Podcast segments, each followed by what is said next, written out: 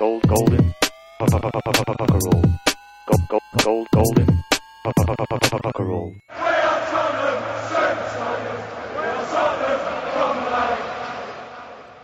Hjertelig velkommen til Golden Cockerel.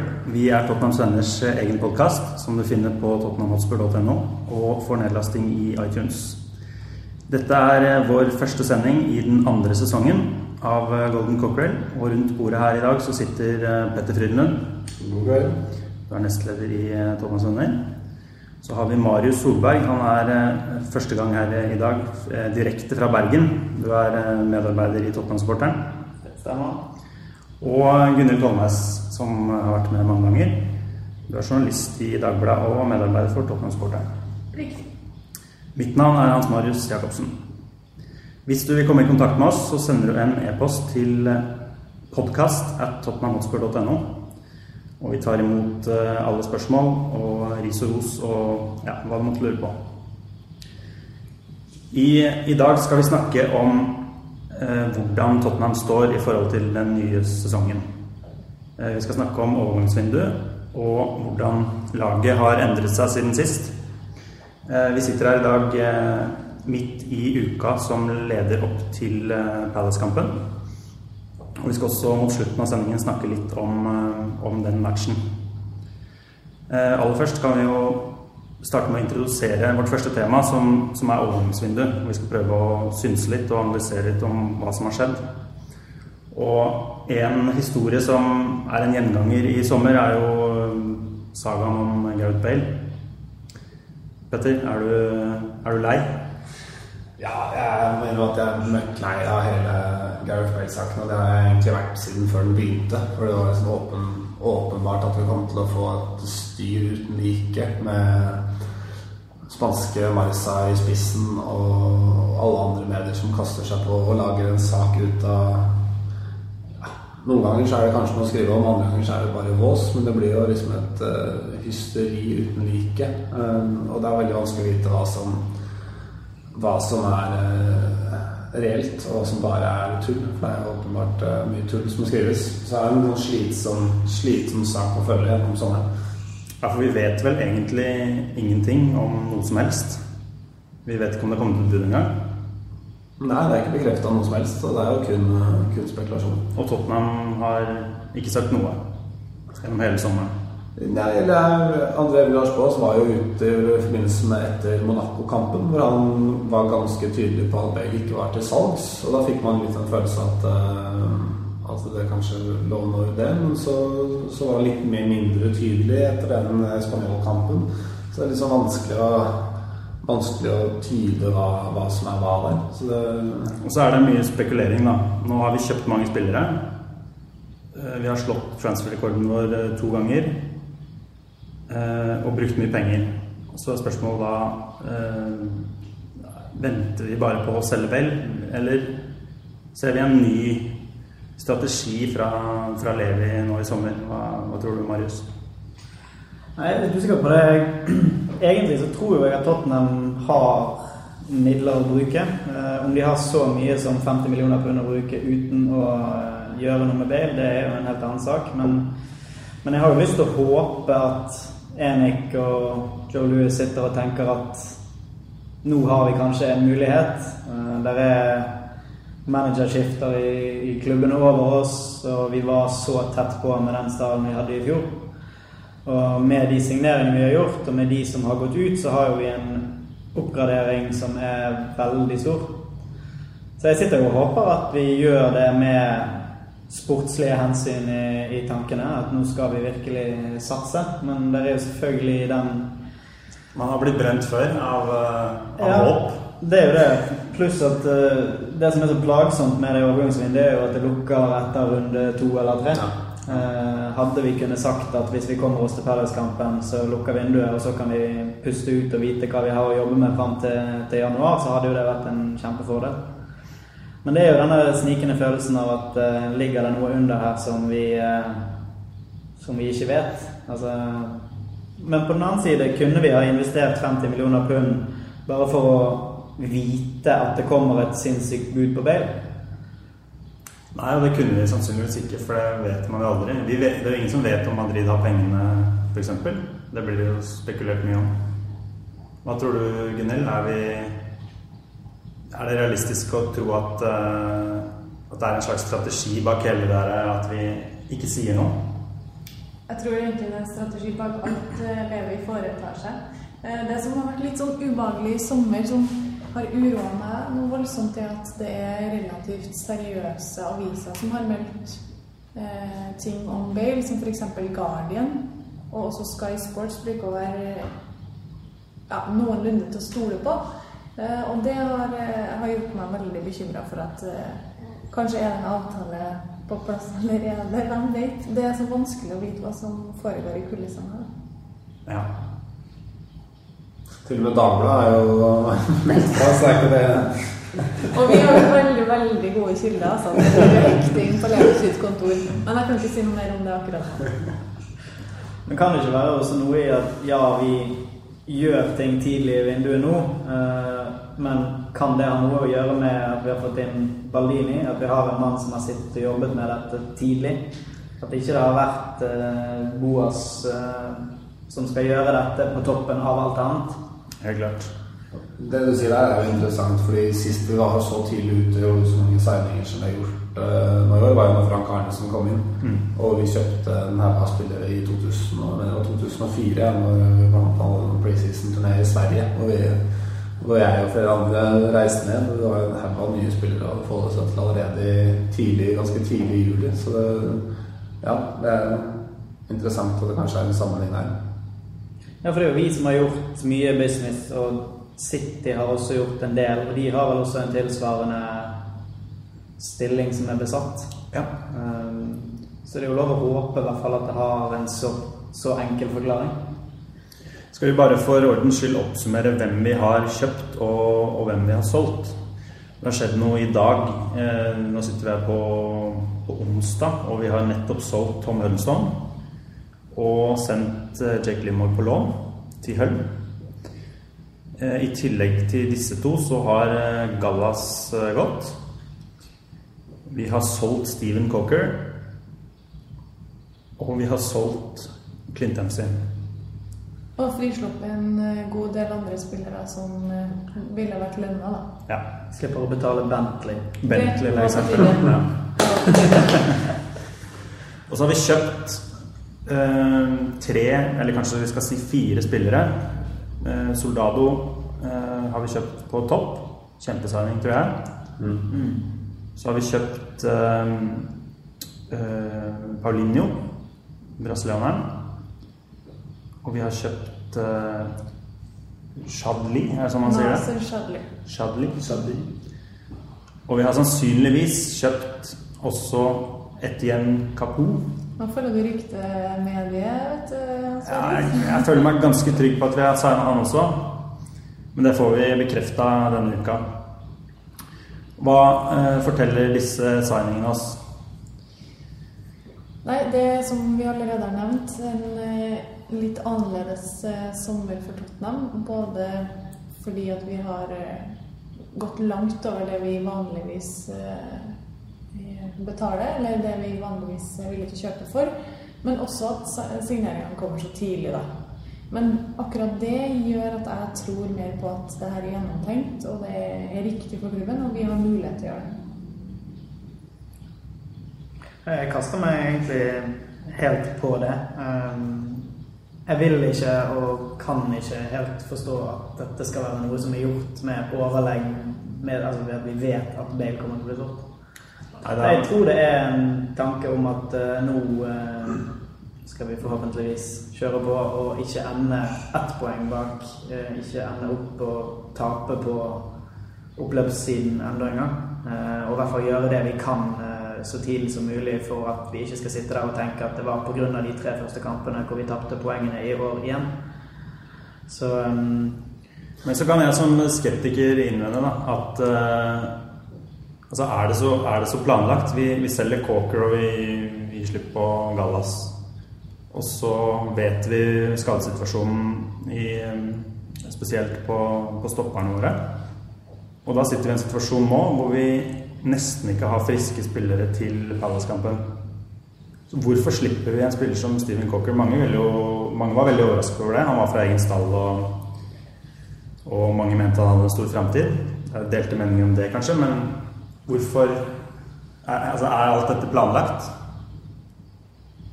Steven Coker tror jeg kan handle mye om at det var en spiller som selv hadde lyst til å spille fast. Eh, Vi får det som ryktes å være rundt en 8 millioner pund, som er en god sum penger for en som faktisk ville vært et fjerdevalg på midtstopperplass, kanskje, hvis alle er friske i Tottenham.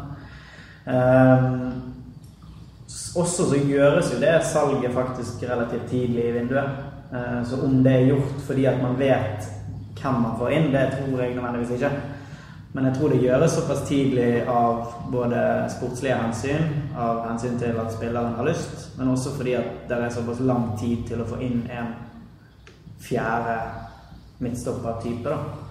Det var jo Akkurat når Coker ble solgt, så var det jo snakk om denne Vlad eh, eller om man skal uttale navnet. Og det virka som han var mer eller mindre klar helt til det kom en Voss ut av fengsel i Romania og begynte å slå seg på brystet.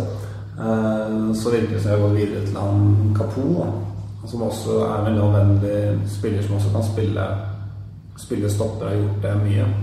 Så jeg, jeg føler at, eh, at Williams på er en mer større plan på hva, vi, på hva vi driver med, enn Mary Redknapp og signingene kanskje kom seinere. Det var mer, litt mer tilfeldig. Nå virker det som det er mer Du kan si hva du vil om, eh, om Clint Dempsey, eksempel. Men han, han er ikke så anvendelig. Han er en type som Han er liksom ja, Vi var ikke alltid fornøyd med han, da. Han, eh, han bekledde ikke alle posisjoner like godt. Han ble brukt litt forskjellig, men han var ikke noen spiss, f.eks. Han en lite tottenhamsk type, egentlig. Litt sånn kjedelig, surpumpa fyr som gikk rundt der og, og skåra riktignok en del viktige mål, og han skal, skal ha for det, men var, det var vanskelig å bli glad i Clint Dempsey. Men poenget, poenget mitt er i hvert fall at de vi signer nå, de har tilsynelatende flere posisjoner de kan bekle. Og det må jo være noe vi ser som er Dias på sitt ønske. At han vil ha spillere som kan passe flere steder, eller er anvendelige. Det er én ting, men jeg syns rett og slett også at nivået på Clint Dempsey var for dårlig for en klubb som Tottenham. Jeg syns ikke han var god nok. Nei, og det, Han kunne det er jeg- spilt én ren posisjon hvis han hadde vært knallgod der, men det, det var han jo ikke. Så må vi ta med oss også selvfølgelig at han skårte noen veldig viktige mål. Eh, Men at eh, han overall på hele sesongen ikke leverte godt nok, det, er Så fikk vi jo, vi fikk jo en, god, en god sum for han, og han, han også sto jo da kanskje også litt i veien for både Sigurdsson og Holtby, som er eh, mye yngre spillere med, med kanskje større potensial. De fikk ikke sluttproduktet av dem, så var ikke riktignok ikke bra nok forrige sesong, men jeg tror vi har to spillere der som potensielt kan være, være veldig viktige for oss i framtida. Og det var jo apropos Sigurdsson, så ble det jo sagt at i intervjuet av Steffen Freund så var et av spørsmålene hvilken spiller imponerer mest på trening. Og da svaret Gylfi Sigurdsson kom rimelig kjapt fra fra det Det var mye spekulasjoner når Steven Cockrick at eh, også Sigurdsson skulle bort. Men det var jo Vilas Bås veldig tidlig ute og, og avkrefta. Sa at han var en viktig del av, av troppen. Det er kanskje et eh, automatisk svar som han vil si uansett, men det stemmer bra overens med det Freund sier. Men det gjør jo det, og det er jo ikke sånn at Villas Bås eller Tottenham er ute og avkrefter Når det er snakker om andre De fleste spillere er jo på et eller annet tidspunkt linka bort. Enten det er noe sannhet eller ikke, uten at Tottenham kommenterer på det. Så jeg, tror at Tottenham har store forhåpninger til Sigurdsson. eh, Og også Holper, som eh, Jeg har jo lest noen som mener allerede nå at de kan avskrive han, men seks måneder ut i eh, ut i Tottenham-karrieren, det er eh, hvor ville Bale vært da, f.eks. Hvis man skulle vært så kjapp ute med å avskrive spillere.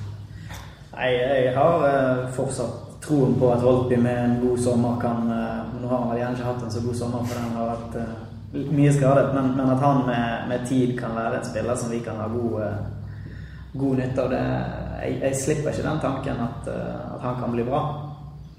Enda. Vi lar det være siste ord, og så går vi videre i sendingen.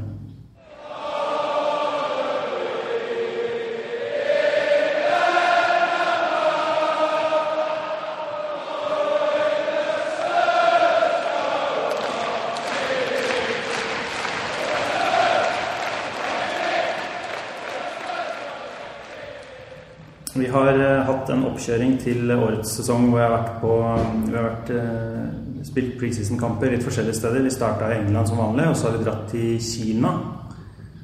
Og spilt noen matcher der før vi kom tilbake og avslutta mot Spanjol nå sist helg.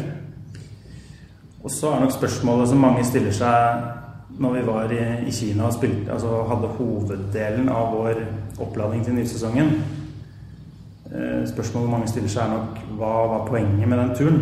Når vi så på kampene derfra f.eks., så stilte vi jo med merkelige lag. Veldig eh, overraskende komponert. Banen var veldig dårlig, vi fikk mye skader. Så jeg, er litt sånn, jeg lurer litt på hva, hva er poenget med disse turene som vi tar. Vi har dratt til USA tidligere. Vi har, eh, altså det, det har blitt en trend at vi drar til et annet land som kanskje ikke er, hvor fotballen kanskje ikke står så sterkt. Hva er som er poenget med dette her? Nei, Det er litt merkelig å sitte hjemme og se på det, egentlig. For sånn som du, som du nevnte, så som fan så kan du ikke tolke egentlig noe som helst ut av kampene her. For det første så var banen i Hongkong så dårlig å spille på at Pellegrini f.eks. gikk ut og kalte død dødsbanen eller helvetesbanen eller noe sånt. En av våre spillere ble skada mye pga. banen. Eh, Så, så sånn sportslig sett, hva får man egentlig igjen av det? Virker ikke som det er så veldig mye. Eh, og da jeg i dag tok en prat med tidligere Tottenham-spiller Erik Thorstvedt om det her, for å spørre hva han hadde å si om det, så var han helt tydelig på at eh, det er en eneste årsak til at klubbene tar disse turene, og det er penger. Det kommersielle hensynet. Så det er for å eksponere oss til nye markeder?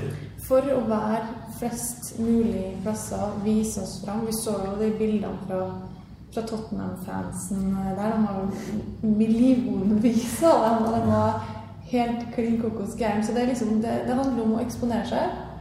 Uh, gjøre seg tilgjengelig for, eh, for andre enn dem som vanligvis uh, får se dem tett på i England, rett og slett. Og at det overskygger uh, det sportslige hensynet. Har vi tid til det sånn, i oppkjøringen til sesong? Er det, er det litt skummelt? Jeg tror vi rundt bordet her skulle heller hatt en frist for tungen enn å se Tottenham spille med et tullesammensatt lag i Hongkong. Men, eh, men det må altså vike til side for, for de kommersielle hensynene. Som Gunhild sier, så er det jo markedsføringspunkten er jo Det er jo derfor eh, Tottenham, i likhet med alle de andre i hvert fall alle de største klubbene i Premier League, reiser jo til de markedene hvor, hvor fotball er eh, mulig å selge. eh, Spesielt av USA og Asia. Eh, Vi vet jo at det er like mange som ser Premier League i Afrika, men det er sikkert ikke like mye penger å hente, så da kommer de ikke dit. Hvis vi ser litt tilbake til 90-tallet, så var det veldig mange, veldig mange lag der var Tottenham som kom til Norge. Veldig ofte. Det var jo fordi på 90-tallet så var det største markedet til engelsk fotball utenfor Storbritannia var jo i nettopp Norge. Derfor kom de hit. Markedet her er jo like stort nå, eller om ikke større nå enn det var på 90-tallet, men du har da fått et andre internasjonale store land hvor det er enda mer penger å hente, og derfor velger du å reise dit. Og sånn for å svare litt på det spørsmålet om hva, hva vi får ut av det. eh, Jeg intervjua jo Harry Redknapp for noen år tilbake da han var Tottenham, Tottenham manager, og da var det rykter om at eh, Tottenham skulle komme til Sandnes. Så jeg, spurte, jeg stilte et spørsmål om det, og Raymond var veldig tydelig på at han veldig gjerne ville til Norge på preseason, for han syntes at disse Asia-turneene og sånn var noe forbanna tull. ikke sant? Så sånn sett med hans sportslige øyne, så er det jo klart at det, det er ikke Det er helt andre hensyn som styrer det. Så hva er, det vi, hva er det vi leter etter når vi er på sånn tur? Hva er det, hva er det vi fisker etter her? Er det sponsorer, eller Helt sikkert. til ny stadion? Helt sikkert. Eh, eh, det er noe som står høyt på ønskelista vår. Så ved å komme dit til et marked som eh, har mange aktører som kan hjelpe oss med penger til noe sånt, så viser vi oss frem og, har større sjanse for å få tak i det. Så jeg vil anta at det er absolutt det i hodet på det. Vi vet jo også at TV-penger blir en større og større andel av, av inntektene til klubben, så billettinntektene blir jo mindre og mindre verdt, sånn prosentvis opp mot TV, TV-rettigheter, og da, er det jo internasjonale markeder som også er noen byr på disse rettighetene, som, som kommer da klubben til gode. Jeg tror også bare at vi må innse at sånn er det blitt. Og, og vi har jo investert tidlig preseason-timer i USA tidligere år. Uh, og vi har jo i hvert fall sett at vi har fått større eksponering der borte nå i løpet av sommeren. Uh, vi har sett denne TV-reklamen som har gått rundt som eh, hvor Tottenham plutselig er laget som skal være det som det fokuseres på når man skal promotere visingen av, av Premier League i USA. Og det er jo Det vil jo jeg tro er et markedsføringsscoop Tottenham har gjort der. Så alt det positive som kan komme ut av noe sånt, hvis det da har en, en slags link med at vi har lagt ned arbeidet tidligere, tror jeg vi bare skal være glad for. Samtidig som vi jo hører Boas snakke om viktigheten av å bygge fysisk grunnlag i preseason, og hvor mye utbytte man får av det fra disse turene, det er selvfølgelig et kjempespørsmålstegn. Det er jo en ting som Hvis vi toucher litt tilbake på det vi snakka om i stad, så når vi handler mye spillere, så må vi jo også prøve å samspille oss. Og det var det poenget du også hadde, Petter, at jeg vet ikke hvor mye tre-fire kamper i preseason hjelper, men det hjelper i hvert fall litt. Og, og det kan jo ta tid å spille inn et lag når man er helt nye. Da risikerer man jo å, å tape seriekamper eller få dårligere utbytte av de, da. Men øh, har dere noe informasjon om vi er vi noe nærmere en ny stadion nå? Dette går litt på det temaet om vi har funnet en sponsor. Det går mye rykter om dette her også, men er det noen som vet noe? Det er ikke noe nærmere ny stadion. Vi er nærmere et nytt kjøpesenter ved siden av stadion. Vi bygger jo Sainsburys som bare det, som da skal liksom være integrert del av stadion. Men, men, for å svare på det, så er det jo fortsatt den, Venter du jo på denne sponsoren som kan komme og betale for navnerettighetene for den stadion. Og den sponsoren har ennå ikke dukka opp. Eller i hvert fall ikke en som møter livet i sine knallharde krav til, til, hva det skal koste. Så det er nok derfor vi hører så lite som det vi gjør. At de, de prøver å kjøpe seg tid hele tida. Men er det derfor vi også kjøper mange spillere nå? Er, er det en satsing som kan knyttes opp mot det? At vi skal Ja, det er selvfølgelig sportslig relatert at vi vil gjøre det bra, men er det derfor vi investerer i laget? For å også bli mer attraktiv på sponsorsiden? Vanskelig å si. Jeg er egentlig litt overraska over at vi bruker så mye penger hvis vi har planer om å beholde Bale, ettersom stadionplanen er en såpass viktig del. Så jeg skulle nesten tro at hvis tanken er å beholde Bale, at, at det er rart at vi, at vi investerer så hardt som vi gjør. I hvert fall hvis man skulle sammenligne med Arsenal, som var i en ikke helt ulik situasjon som oss økonomisk når, de, når vi da fikk Hyper skulle bygge Emirates. Og de har jo da De brukte veldig lite midler på spillerkjøpet de, egentlig helt siden de flytta inn på, på Emirates. Så jeg syns det, det, er litt sånn vanskelig å vite. Det er snakk om at Joe Louis nå har gått inn med noen ekstra kroner og sagt at vi kan satse litt, men det har han ikke gjort før. Så hvorvidt det er sant nå, det er jo vil jo egentlig bare fremtiden vise. Jeg tror egentlig at det er en sammenheng. Jeg tror at en, en hel pakke der, skal jeg si. Og det Vi har jo i mange sesonger sagt nå hvis Tottenham bare hadde hatt F.eks. I, i hele fjor, da vi, da vi satt og så kamper sammen, så sa vi bare hvis vi hadde hatt den spissen som kunne klare å sette de sjansene, eller eh, Eller som ikke tok straffa som en idiot, som det gjorde så hadde ting sett annerledes ut. Og det er veldig, veldig lite som skal til eh, for å nå den Champions League-plassen, i alle fall, da, som kanskje det vi bør strekke oss mot. å begynne å snakke om gull, det blir litt, litt uh, tåpelig. Men, men, Champions League og pengene som ligger der og, og, nå har vi kanskje gjort det. Kanskje med Vi nevnte Franco Baldini i sted. Nå er det Levi og han, og vil jeg spå at kanskje de eh, endelig har har tenkt det lure som vi har tenkt. Vi må, vi må satse litt. Det er jo et viktig poeng der at vi har ikke brukt mye penger de siste årene på spillerkjøp, faktisk. Det er, det er enkelte, i hvert fall kanskje med Tottenham-supportere, men du hører jo jeg hører i hvert fall innimellom andre lagssupportere hevde at Tottenham er en kjøpeklubb, og, og, her er det noen folk som spytter penger. Og, det, er, det er ikke tilfellet. For hvis du faktisk går inn og regner på Det er den magiske nettspending, da. Ja, vi bruker ikke mye penger på spill. Vi har henta en del spillere riktignok, men vi har også solgt spesielt Modric og Berbatov for veldig mye penger. Så vi har ikke alt i alt har vi brukt lite penger på spillerkjøp de siste seks-sju årene, faktisk. Men hvordan stiller alt dette her seg til eh, i forhold til eh, Financial Fair Play, som vi har snakket om i Golden Copper tidligere, som vel slår inn for fullt neste år, da? Er det en slags sånn siste mulighet for å dra til litt, eller hva er det vi Jeg tenker kanskje litt at nå eh, Altså, jeg mener jo at laget i fjor, eh, og den jobben som ble gjort da fra eh, Boas, vil jeg tro jeg, jeg mener at laget overpresterte veldig i fjor, egentlig, med den stallen man hadde. Um, og man kan vel håpe at den lille festen vi har fått lov å ha med å kjøpe spillere nå i sommer, har vært en slags uh, belønning hvor man ser at uh, det som ble satset på av trenerteam, var verdt det. det man fikk ut av, av de spillerne vi hadde, var, var, veldig veldig bra. Og selvfølgelig ble vi reddet av Bale for ja, jeg vet ikke, Vi tør ikke regne på hvor mange poeng, sånn sett. Men men skal man ikke belønnes litt for å gjøre en god jobb, eh, hvis man har mulighet til det? Eh, så får vi jo håpe at eh, det er litt sånn tankegang som kan være i, i Joe Louis og, og co. I, i, sommer. At ikke man bare tenker business.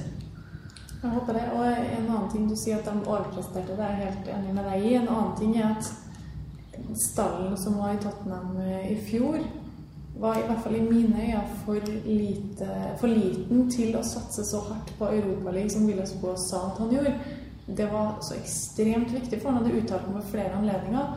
Og da, i, i mine øyne, så skulle vi heller ha satsa hardere på serien og heller sluppet den litt, selv om det er vondt å si det òg. Mens nå har vi en bredere stall, kanskje lettere for han å, å satse på begge plattformer hvis han ønsker det i år. Eller Ellers har han tatt lærdom fra i fjor og, og sett at det kan bli for tøft, rett og slett. Vi vet i hvert fall at det ligger eh, planer til grunn for eh, både stadion og, og videre vekst i Tottenham. Og vi, får, eh, vi, kan jo tro da at det som vi har sett i sommer, som har skilt seg litt fra tidligere år, det er et skritt i retning av noe, noe stort. golden. Som sagt så er vi nå et par dager unna vår første seriekamp mot Crystal Palace. Og jeg syns det er interessant å høre hva dere rundt bordet forventer. Vi kan jo ta et todelt spørsmål. Kanskje spørre hva tror dere om de første matchene våre? Eh, og så hva tror dere om sesongen eh, under ett? Petter? Um, jeg er redd vi kan få en litt tøff start. Um, det henger bl.a. sammen med at vi har kjøpt inn en del nye spillere. Vi har sett tidligere i hvert fall tidligere år hvor vi har henta mye nytt, og at vi har hatt en litt sånn slow start, at det tar tid å spille inn. Eh, så jeg tenker at Soldado er jo en selvfølge at skal starte. Perlinio Perlinjo er jo også Kanskje kommer til, å være en viktig spiller. Eh, litt sånn usikker på om det er riktig å la han starte første kamp. Chadli, litt av det samme. Kanskje ikke I hvert fall litt avhengig av Bale. Han spiller da kanskje ikke. Eh, da vil det kanskje være naturlig at han går inn der. Eh, men jeg er litt redd for å ha tre nye spillere, eh, eventuelt fire med Kapo, som, som, spiller fra start. At det vil ta litt tid. Alle i samme ledd? Ja, jeg, ville vil godt tatt det litt saktere enn det. Så jeg er litt sånn Jeg forventer ikke at vi kommer til å, å gå ut i, i 100 og lede serien etter fem kamper. Jeg tror det kan bli litt mer som i fjor, at vi sleit litt de første kampene, og så at vi kom mer utover, utover høsten. Så men sett under ett, altså, vi har snakket om dette her uh, tidligere i sendingen, men uh, hvordan står vi i forhold til målet vårt, da, hvis vi skal si at det er ja, Du kan jo si hva ditt mål er selv, egentlig. Nei, min målsetning på vegne av Tottenham er jo topp fire. gjerne foran Arsenal. men det er i alle fall en topp fire-plassering er jo klubbens åpenbare mål, og jeg mener at vi har gjort de investeringene Med tanke på at vi var ett poeng unna i fjor, så vil jeg jo si at vi foreløpig har gjort de investeringene som skal til for å kunne ta steg opp. Nå blir det belgierne veldig som usikkerhetsmoment, men, eh, men jeg, er fornøyd med, jeg er fornøyd med hvordan vi har forsterket laget. Så jeg tror at absolutt at vi har et lag som er godt nok til å kunne ta fjerdeplassene. Vi tar spørsmålet videre til Marius. Starter med, med Palace og, og de første kampene. Jeg er jo egentlig mye enig med det som Petter sier om de første kampene, men hvis jeg skal ta en litt mer sånn positiv eh, vri på det, da, eh, i forhold til å få de nye spillerne til å spille sammen, så syns jeg jo første omgangen, eller første halvtime i hvert fall mot Español, viste veldig mye bra. Så kan man jo selvfølgelig diskutere eh, styrke på motstand og litt sånn forskjellig, og at det er en treningskamp og alt dette, men, eh, men eh, uavhengig av hva som skjer med med, med Bale så syns jeg det var veldig gøy å se Charlie. Chudley. Eh, overrasket meg positivt i den kampen. Eh, Soldado gjorde det som jeg håpte han skulle gjøre, med å være en, eh, en god Defoe-type på mange måter. Veldig aggressiv og veldig på eh, inne i boksen. Og det eh, håper jeg det kan komme mye bra ut av med, med vingspillet vårt, som vi forhåpentligvis har med med et lignende tempo i, fra, fra start av. Um, så er vi selvfølgelig veldig avhengig av at Bale blir værende, tror jeg. Um, eller det vet vi jo alle hva forskjellen på et lag med og, han, med, med og uten han kan være. Um, men jeg får heller ta en litt mer sånn offensiv starter på at i fjor hadde ikke vi hentet noe særlig når vi kom til sesongstart. I år har vi gjort det. Så jeg får satse på at istedenfor å tenke at de skal bruke tid, så håper de har hvert fall det faktum at de er der, kan føre til en, en bedre start. Hvis vi skal se litt sånn på sesongen under ett, så er det jo åpenbart at med den oppgraderingen vi har gjort, så skal vi selvfølgelig ikke sikte oss inn på noe mindre enn topp fire. Å begynne å se noe videre oppover enn det syns jeg blir helt tullete. For nå har vi vært så nære flere ganger de siste årene på den topp fire-plassen at vi skal ikke bli det heller. Nå får vi først klare det og vise at vi tåler det presset og stå hele løpet ut. Og utover det så syns jeg også at det skjer ting i klubbene som med unntak av Arsenal, som har holdt seg veldig rolig, så skjer det ting på managerfronten i alle de andre klubbene i City, United og Chelsea som Så det er en mulighet for å, å komme inn der av det? Vi må jo tro det. Vi kan jo ikke sitte og tenke at vi skal være happy med å surre rundt sammen med Liverpool og Everton, som sikkert får seg en liten trøkk med managerbytte, de også. Men, men vi må jo være offensive, tenker jeg. Juni? Jeg er i hvert fall enig i at vi skal være offensiv, og per dags dato så er Gareth Bale Tottenham-spiller, så det eneste vi kan forholde oss til, faktisk. Og med han på laget så er det litt sånn at man kan drømme om store ting. Det er det så avgjort. Men eh, topp fire det er vel der vi bør sikte oss inn. Jeg tror ikke vi kommer til å rote oss opp blant City og United og Chelsea selv med managerbytter. Det har så mye med vinnerkultur og ja, bredde i stall. Se på City f.eks. Og Morine som kommer tilbake og vet hva, hva det handler om. Og, ja. Så det Vi skal, skal, selvfølgelig prøve, men jeg tror ikke Tottenham er blant de tre øverste plassene når vi er ferdig i mai neste år. Pelleskampen forventer tre poeng. Så får vi en ålreit start, og så hvordan det går etter det, det får vi nå se. Det, blir tøffe, tøft i hvert fall. Det som gjør meg litt sånn litt positiv, er jo har vi tre klubber som har bytta manager, og jeg er overbevist om at, at, det er ikke nødvendigvis at det er negativt, det trenger ikke være negativt noen av dem, men jeg hadde litt håp om at i hvert fall én av de klubbene vil slite litt uh, i kjølvannet der. Og da har jo ikke plutselig Tottenham et snitt til å kunne kunne komme inn der som en outsider. Så jeg tror det blir en innmari spennende sesong.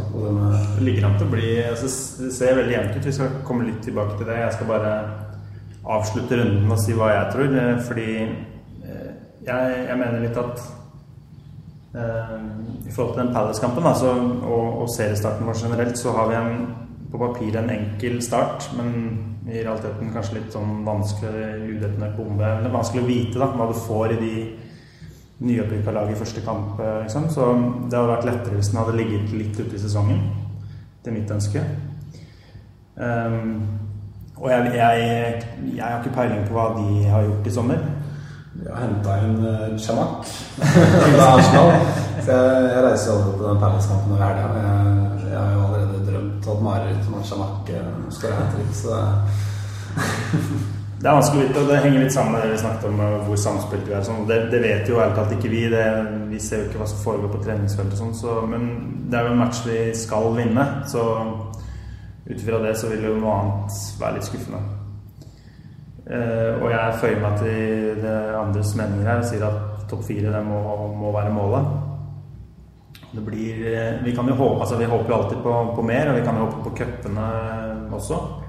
Men det blir litt eh, store steg å vente at vi skal kjempe om noe mer enn det i serien, tror jeg. Jeg har bare lyst til å skyte meg av det var utrolig deilig om vi kunne vinne en cup i år. Nå FA har vi cupen? snakket- Ja, Kom igjen. Et eller annet, altså bare få et trofé. Det er liksom ja. Nå har vi snakka mye om Champions League og topp fire, og for guds skyld er jo kjempeviktig, det. Men uh, å få de trofeene altså det, Jeg tenker litt på at uh, vi driver og mobber Arsenal, som ikke har vunnet et trofé på åtte år. Nå er det jo dessverre gått eh, er det seks år siden vi siden vi vant trofeet, trofé, så nå begynner det å, begynner det å haste, haste for å, for å få litt, eh, litt sånn glory-følelse. Om det, om det så er ligacupen. Altså, jeg bare, bare gi meg en eller annen eh, vennlig opplevelse der. Men tror vi at vi kommer til å satse like mye på Europaligaen som i fjor? Jeg håper ikke det. Jeg tror det. Jeg tror at han, eh, han har vunnet den før, ikke sant? Han, eh, han har åpenbart lyst til å gjøre det igjen. Og jeg tror at han føler at han vet at han kan det. Og da tror jeg, når du er litt ambisiøs, så klarer du ikke helt å gi slipp på det. Men det kommer an på hvis han føler at han hvis han føler at det var sånn i fjor, at laget egentlig ikke tålte det, at han på en måte erkjenner det, og ser at det samme problemet kanskje kan inntreffe i år, så kanskje han lar være, da. Men, men det tror jeg ikke han vil si, for han har forsterka på en måte som han vil, tror jeg, fremfor det som skjedde i fjor sommer. Det er mer hans egne signinger nå. Man kan håpe at han kanskje tar det litt mer rolig de første rundene. At uh, man satser litt hardere når det kommer til sluttspillet. Men jeg tenker også sånn Tbilisi Nå møter jo Dinamo Tbilisi allerede i neste uke, uh, og uka etter der. Og, og de kampene der tenker jeg kan brukes til noe positivt. For da er det snakk om å spille inn eh, en del skader i preseason. Vi har ikke spilt så mange preseason-kamper heller. At det å bruke litt tid der på å spille inn, eh, spille inn laget, det tror jeg eh, Det trenger ikke nødvendigvis være negativt at vi har de to kampene siden det er så tidlig i sesongen. Det er bra poeng. Eh, Vi skal avslutte sendingen eh, egentlig med å, med å snakke litt om vi har, Det er de samme temaene hele tiden, her, men vi skal snakke litt om hvordan våre motstandere står, og hva som er realistisk å forvente i forhold til dem. Vi har vært inne på at mange har skiftet trener. Det er kanskje vår mulighet. Eh, Hvordan er det med våre motstandere i forhold til hva de har signert? Mangler de noe? Har vi, har vi tatt noen steg og gått forbi noen? Jeg tror det er- mange Arsenal-fans som eh, vrir seg litt eh, akkurat nå fordi de ikke har signert Noen? noen. og, og ikke den, eh, den storspilleren jeg vil ha, som kan bøtte inn eh, mål. Jeg vet ikke om de er fornøyd med Giroud og Podolsky. eh, Han har jo bøtta inn mål, da. Ja, Skal det. Jo, men det er ikke en Robin, sånn som Robin van Persie var for Manchester United, f.eks. Og Wenger har jo fått lovnad ja, har vel fått lov til å kjøpe. Så Ja. hvorfor har de ennå ikke kjøpt? Så, så Arsenal de, de gruer seg kanskje litt for Jeg er helt enig. Jeg vil jo si at vi på papiret i hvert fall, så vil jeg si at vi har gått forbi Arsenal nå i sommer, nå som vi skriver eh, 14. august. Eh, For det er helt åpenbart at Arsenal har vært på spillejakt i sommer og ikke fått de, eh, de spillerne de virkelig vil ha. Så vil jo tiden vise hva det neste de siste to-tre ukene byr på. Men eh, per nå så syns jeg det ser stygt ut for Arsenal. Ja, ja. Nei, altså jeg, jeg er redd for at øh, vi undervurderer Vi undervurderer um, det at et lag er samspilt, da. Og at, at man har spilt med samme lag i ett år. Det, det er ikke nødvendigvis uh, Du trenger ikke å signe spillere hele tiden heller for å, for å hevde deg. Arsenal gjorde en ekstremt start i, i slutten av fjoråret. Det gjorde for så vidt vi òg. Men de har holdt en kontinuitet nå gjennom sommeren, hatt lite skader. Og Wilshere fikk jo en halv sesong på seg vel i fjor, og nå er han tilbake mm, altså, Han har ska- vært skadefri gjennom sommeren. De har noen sånne typer som mm, som jeg, jeg, syns det er farlig. Jeg tror, tror det er lett å undervurdere Arsenal bare fordi at vi har gjort noen kjøp, og vi vet ikke engang om kjøpene våre funker. Så jeg er litt sånn redd for at, um, Samtidig, at, at det blir litt sånn enkel beskrivelse. da, Å bare tro at seilinger gjør, gjør jobben. samtidig har du aldri noen, forsikring for at en spiller vil slå til uansett. Så, så man må jo bare prøve å se, og det lille vi fikk se fra spanjolkampen, var jo veldig positivt, hvor alle de tre var i aksjon. Uh, og det er kanskje noe med å få en ro i spillergruppa og vise de som er der fra før også, at vi satser, da. Ja. Eh, F.eks. For, for United-gutta som ikke vet om eh, Wayne Rooney skal dra, eller ikke ønsker seg bort sammen med Liverpool-gutta som er ute og sier at eh, for oss er det himmel eller helvete om Louis Suárez blir eller drar. Mm. Så, så slipper vi i hvert fall de usikkerhetsmomentene der. Det, det er sant, og det er i hvert fall det, Vi står i hvert fall bedre enn i fjor, og det er i hvert fall en bedre tilfelle nå hvor vi faktisk har forsterka enn om vi ikke hadde gjort det. Da hadde jeg vært veldig skeptisk. Så Det som gjør meg positiv, først og fremst, er kjøpet av Soldado. Fordi det var så åpenbart hvor mye vi savna en, en spiss av hans kvalitet i fjor. Og ikke, ikke bare i fjor, egentlig. Altså, siden vi solgte Berbatov øh, for hva det fem år siden, så har vi jo savna, virkelig savna en sånn type spiss. Og gud vet hvor vi hadde ligget i dag øh, hvis, hvis vi hadde hatt en, en spiss i de åra der. Altså. Fordi vi har hatt, vi har hatt alt fra elendige til helt ok spisser. Og det helt ok spisser er ikke bra nok når vi skal kjempe om Champions League. Nå har vel også litt tilbake på det med Arsenal. Da. Nå hadde de en eh, dårlig første halvdel, skal man kalle det det, i fjor, og kom kruttsterkt på slutten. Eh, Nå hadde de jo faktisk det sesongen før også i ganske stor grad, så de avsluttet i hvert fall helt enormt bra. Eh, Klart at imellom de sesongene så mistet de van Persie, som eh, var kan vi kalle det halvlaget. Og, og Fabregas året før. Og nå har de ikke hatt det. Så det er liksom En, en ting angående det som er litt interessant, er jo vi, vi er ikke sant, jeg, Når van Persie ble solgt i fjor, så gnei jeg meg i hendene og tenkte at uh, det var regna på hvor mange poeng Arsenal ikke sant, hadde fått pga. van Persie, og at vi skal havne på 13.-plass nå. Ikke sant? Det, man blir jo litt sånn enkel i hodet noen ganger og, og ser på sånt. Og litt av det samme er det med Gareth Bale og Tottenham nå. At vi, det er fort gjort å begynne å se på hvor viktig han var i visse kamper i fjor osv., og, så videre, og hvor ville vi vært uten ham. Det Sannsynligvis så Hvis Bale forsvinner, så vil det være andre spillere som står fram. Og det tror jeg det ville vært om Bale hadde vært skada på i fjor. Da ville andre spillere Sånn er det for andre lag òg. Sånn er det med Suárez òg, ikke sant. Hvis han drar, så, så er det helt sikkert andre som vil stå fram der. Så altså, man kan ikke redusere et lag, eller i hvert fall ikke lag i toppen, da, som har mer å by på enn en, en, lag litt ned, lenger ned på tabellen, som kanskje bare har én spiller. Man kan ikke redusere oss til Bale, eller United til van Persie eller Liverpool til Suárez. Laget er bedre enn det. og men man klarer aldri, som du sier, Petter, man klarer aldri å, å spå effekten av sånne ting. Samtidig, hvis du tar eh, Bale fra Tottenham og Suárez fra Liverpool, så er det i hvert fall i mine øyne ingen tvil om at Tottenham er et sterkere lag der enn eh, enn det Liverpool er. Hva tror vi eh, United står? Eh, De har jo byttet trener, og den sentrale midtbanen deres er fortsatt et eh, spørsmålstegn, og Rooney er et spørsmålstegn. De er én skade unna komplett kaos, da. Altså blir van Persie skada, så Ja, hva, hva skjer i United da?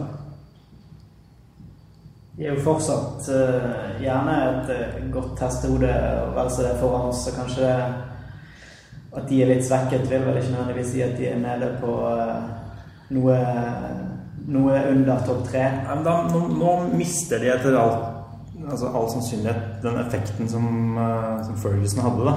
Som, som var eh, som, Altså, den lå i veggene på Old Trafford og Det er sånn ubeskrivelig greie da, som, som bare lå over ham. De United-supporterne jeg kjenner, den var overbevist på sammen. Nå er jeg livredd for det sesongen som kommer. Så jeg er kanskje mer positiv på den vegne enn meg selv. Eh, Så Men det å være en livredd United-supporter er vel å være livredd for en tredjeplass, kanskje. Ja.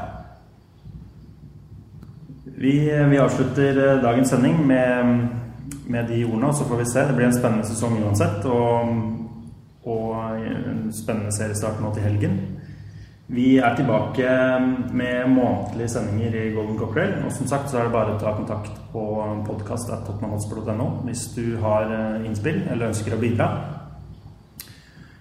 Så lykke til alle sammen på lørdag. På Søndag? Søndag var det. Early godt på søndag. Nei, ser du. Gold, gold, gold, golden. Cockerel. Gold, gold, golden. Cockerel.